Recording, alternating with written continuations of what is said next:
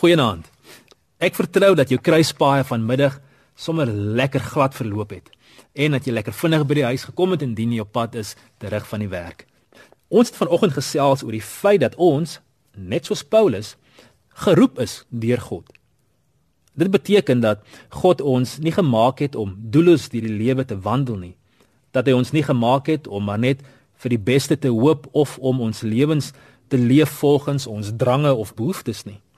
En nog minder is sy plan vir ons lewens dat ons gedurig deur uitgelewer is aan die nuutste opinie van die media of dat ons moet leef as slawe van die druk van ons portuïergroep nie. Nee, hy het jou en hy het my geroep en ons weet dat wanneer hy ons roep, hy ons ook bemagtig om te wees wie hy ons geroep het om te wees. As ek weet dat hy my geroep het as 'n onderwyser, dan weet ek het hy my en my klaskinders bymekaar gesit vir 'n tyd soos hierdie. Dat dit nie per toeval is dat ek daardie jong mense voor my het nie. Dat God iets in my geplant het wat hulle nodig het.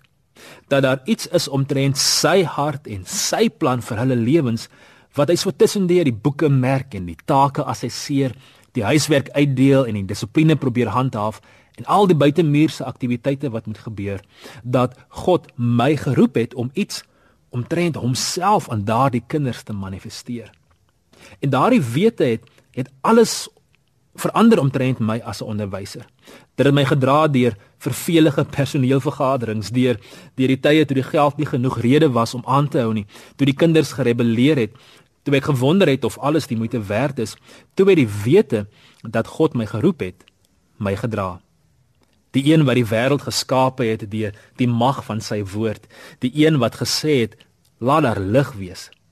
Wat die son laat stil staan het vir Joshua en die see oopgekloof het vir Moses, die monde van die leeu's gesluit het vir Daniël, die hemele gesluit en ontsluit het vir Elia, die hart van die koning gedraai het vir Ester en die krag was in Dawid se slingerveld en Goliat. Hy het my en jou geroep met 'n magtige roeping. So ek is nie seker watter titel jy vanmiddag dra nie. Dokter, huisvrou, taksibestuurder, voorman, mamma, afgetredene, pasiënt, emigrant, rugbyspeler. Ek weet nie watter titel jy dra nie, wat ek wel van jou vra is, bring dit vandag na die Here en stel daardie titel, daardie posbeskrywing, daardie werksfunksie, stel dit onderhewig aan sy roeping om dit te gebruik vir sy heerlikheid en vir die uitbreiding van sy werk hier in Suid-Afrika. Kom ek bid. Here, dankie vir u roeping op ons lewens. Dankie vir u krag om daardie roeping tot vervulling te laat kom. In Jesus naam. Amen. Geseënde aand. Totsiens.